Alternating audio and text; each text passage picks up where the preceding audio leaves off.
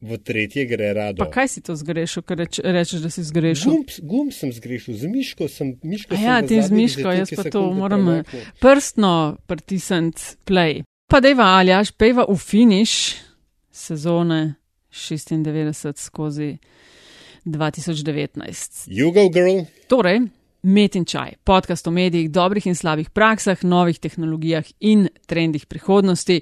Gosti v medijih delajo, z njimi živijo in o njih razmišljajo. Gostitelja, vaša pa sva Aljaš Pengov Bitenc in Nataša Briški. Dobite najo na Afna Pengovski in Afna DC43.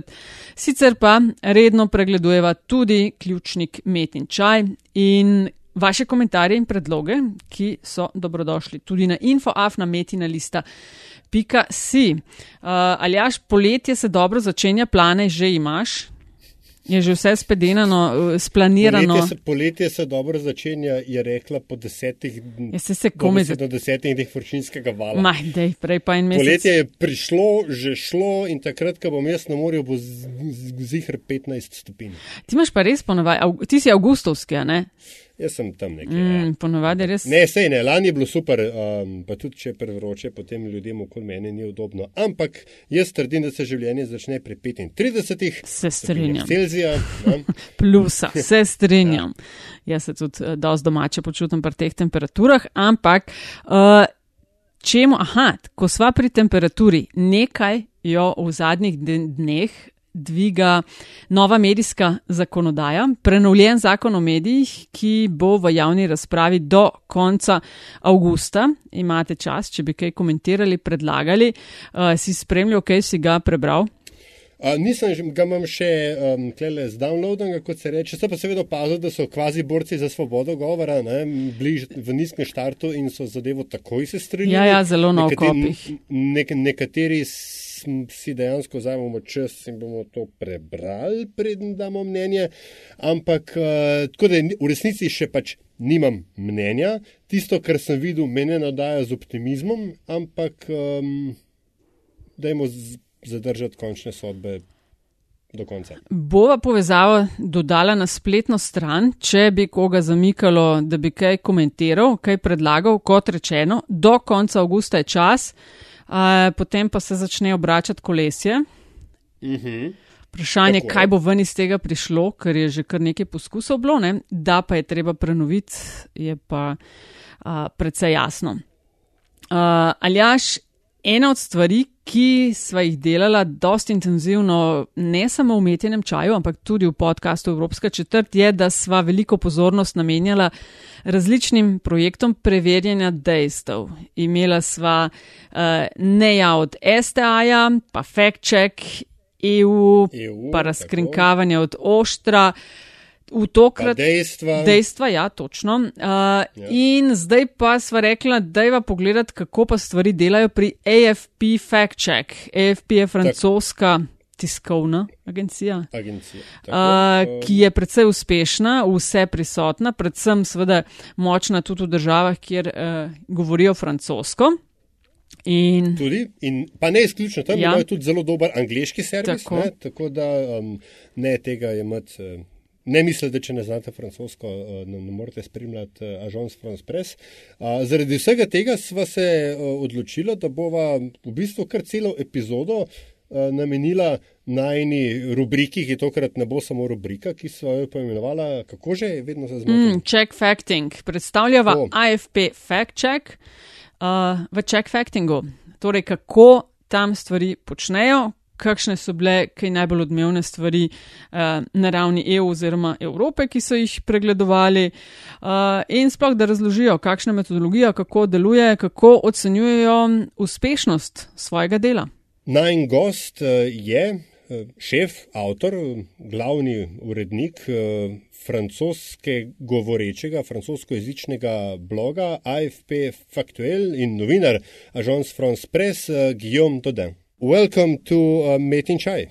Thank you. The reason we're um, talking to you today is we're trying to get some um, foreign media perspective on the entire uh, fact checking process. And uh, Agence France Presse has quite a strong game in this uh, in, in this area.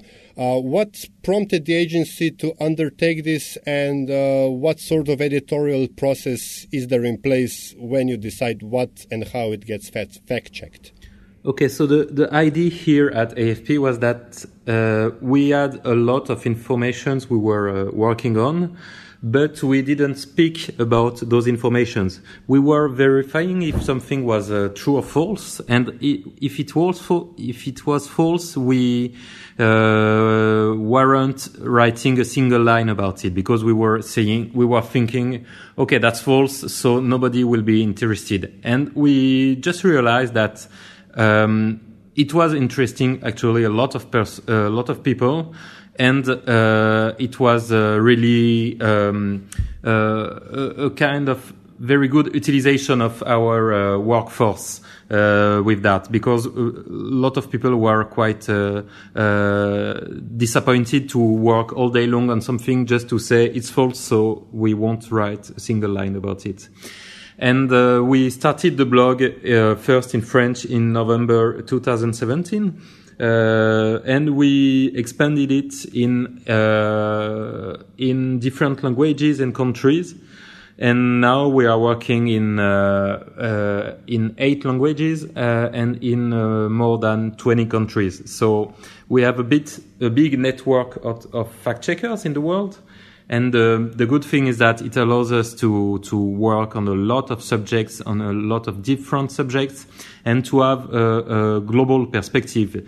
We not only know why such story is true or false, but we, thanks to this uh, uh, network, we are really str- uh, strong and we are really good to, uh, at knowing how the story spread across the world and across different languages. So that's the very cool part of our job. It also seems that uh, with uh, this uh, vast network spread around countries and continents, you're able to mitigate this inherent uh, drawback of fact checking speed because usually yeah. Uh, uh, there is this old saying that the the lie makes seven uh, goes around the world seven times before truth even even starts getting propagated. But uh, so, how do you deal with that? Yeah, that, that's true because some uh, the story begin uh, begins to spread in such language. So maybe we we are we fail to detect it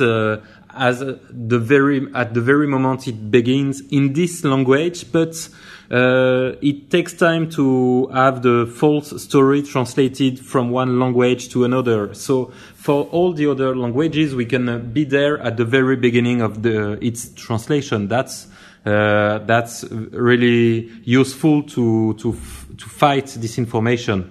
Uh, so we talk together with all the editors we have in the world, and uh, one of us just say like. Um, uh, I saw that story. Is someone working on it? No, uh, it didn't appear yet in my country, or yes, maybe it appeared. And we gather the elements to have the, the big picture, not only the the picture in Asia or in France, but also in uh, in in in the entire world. So that helps us to to prevent the the dissemination of false stories.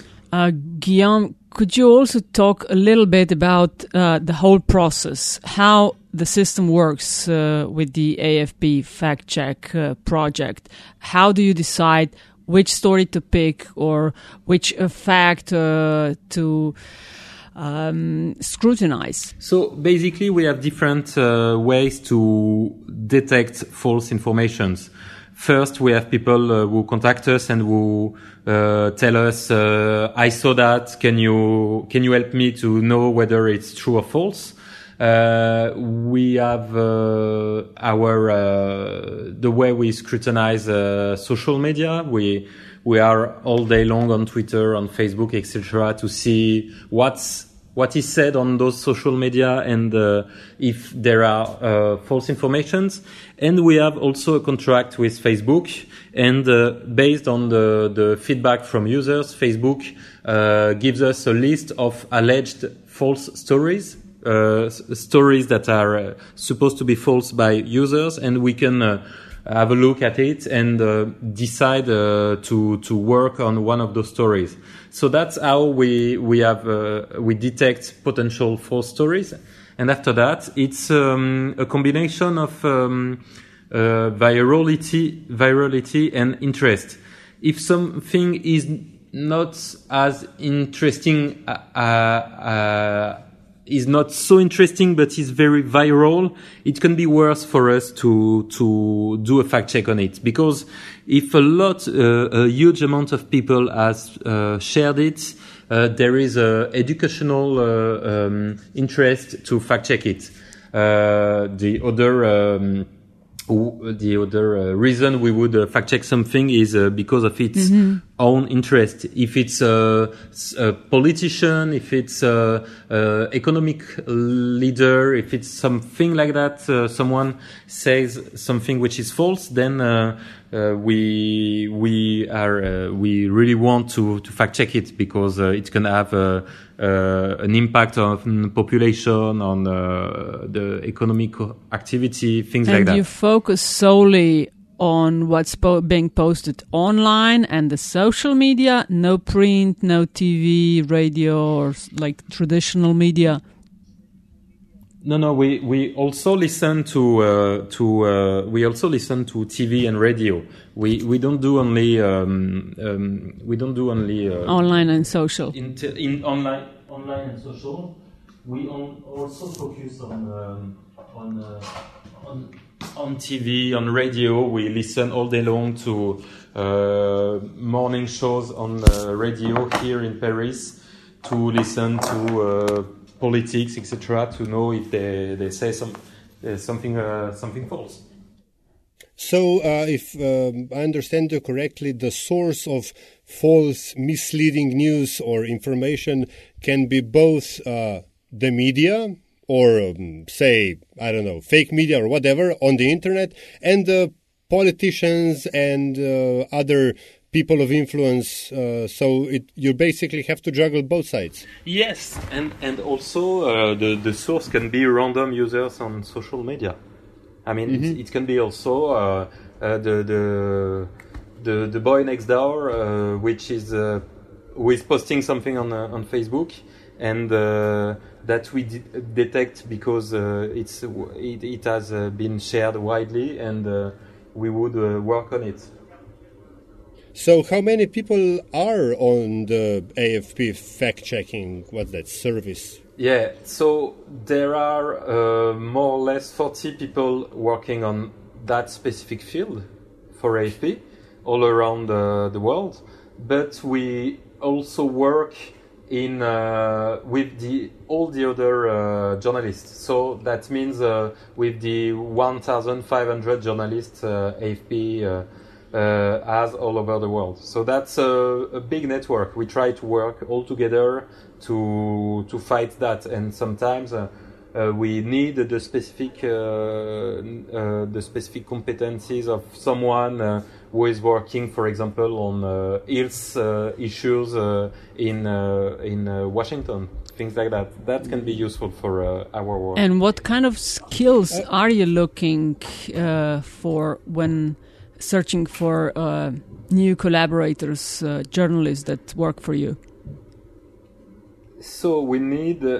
Uh, we the, the, the, main skill we need is uh, something we will need for all the journalists working for AFP. So that's good uh, competencies uh, of good skills of journalists to be to be honest, to be very um, to be able to verify uh, things uh, and to be able to look uh, deep uh, into internet to find the, the, good report which is able to to answer a question to be able to track down uh, the the path of a false information so that's the the basic skills of a good journalist but also specific skills about uh, uh, social media. Uh, people need to be familiar with this, uh, need to be familiar with uh, how to to search through Facebook, through Twitter, uh, with Google, how to do reverse search, um, reverse image searches, things like that.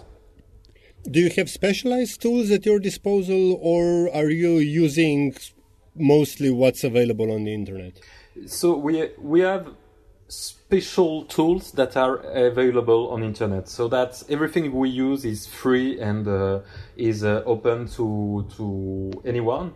So we use, for example, something uh, called InVid, which is a, um, a tool uh, partly developed by AFP, and it helps us to to work on. Uh, uh, to to do reverse search on images and videos.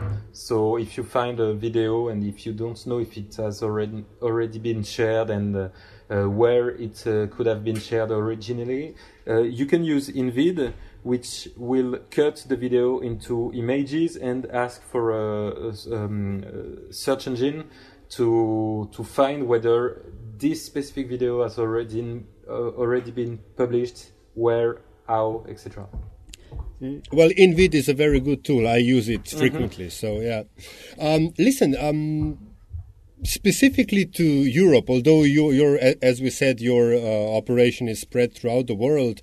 Um, Europe has just gone through, or specifically European Union, has gone through a period of intense political, not necessarily upheaval, but uh, with with the election and with the recent uh, the EU top jobs dash and everything. Um, have you noticed? Was there a spike in uh, alleged false stories and misinformation, um, like in the past couple of months uh, in the EU, or is there a constant level of uh, stories that you're dealing with?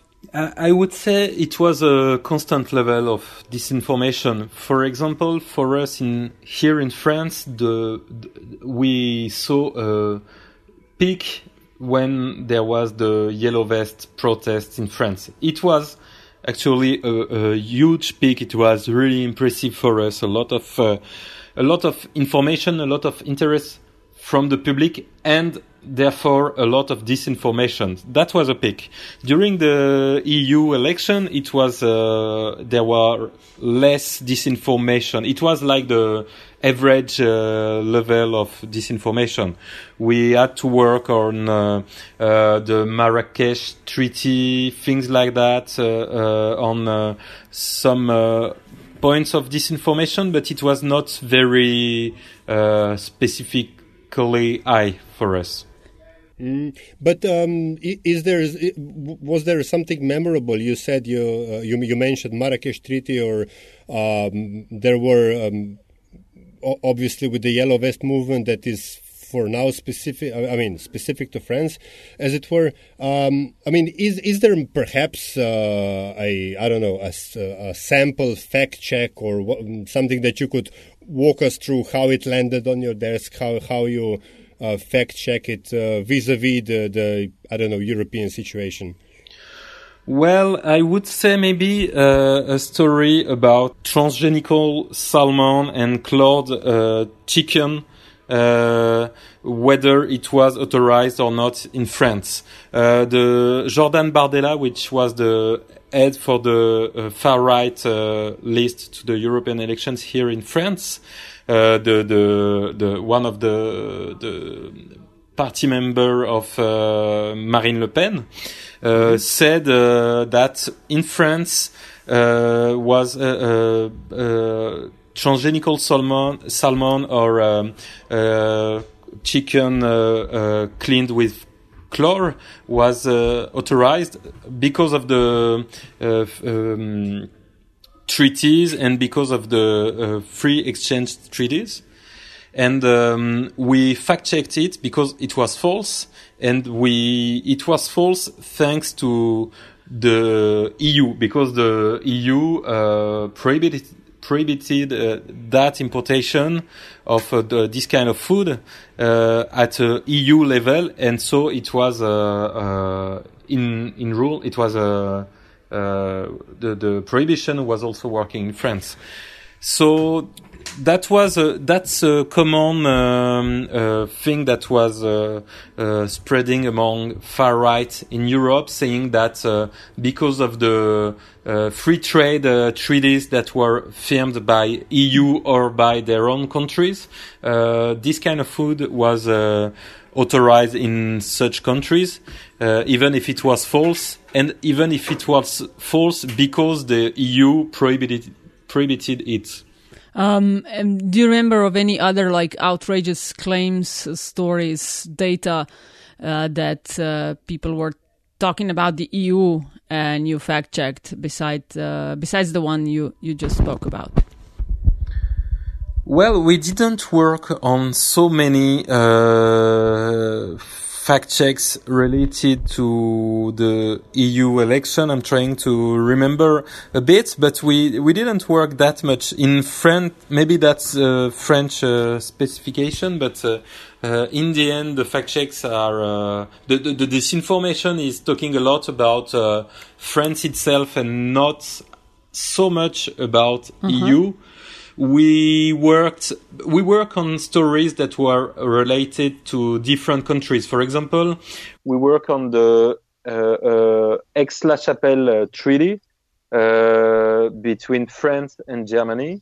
Uh, far right in France was saying that because of this treaty, France would have to um, give back to Germany uh, the uh, its seat to the UN Security oh, Council. a nice one. Uh, yes, and uh, that uh, uh, because of this treaty, lots of things would happen, and it was only a it was only something very declarative. It was only talking about uh, intentions uh, and uh, talking about uh, how France and Germany would uh, improve their their collaborations within uh, U- United Nations Security Council. But it was nothing really um, um, actually enforced. Mm.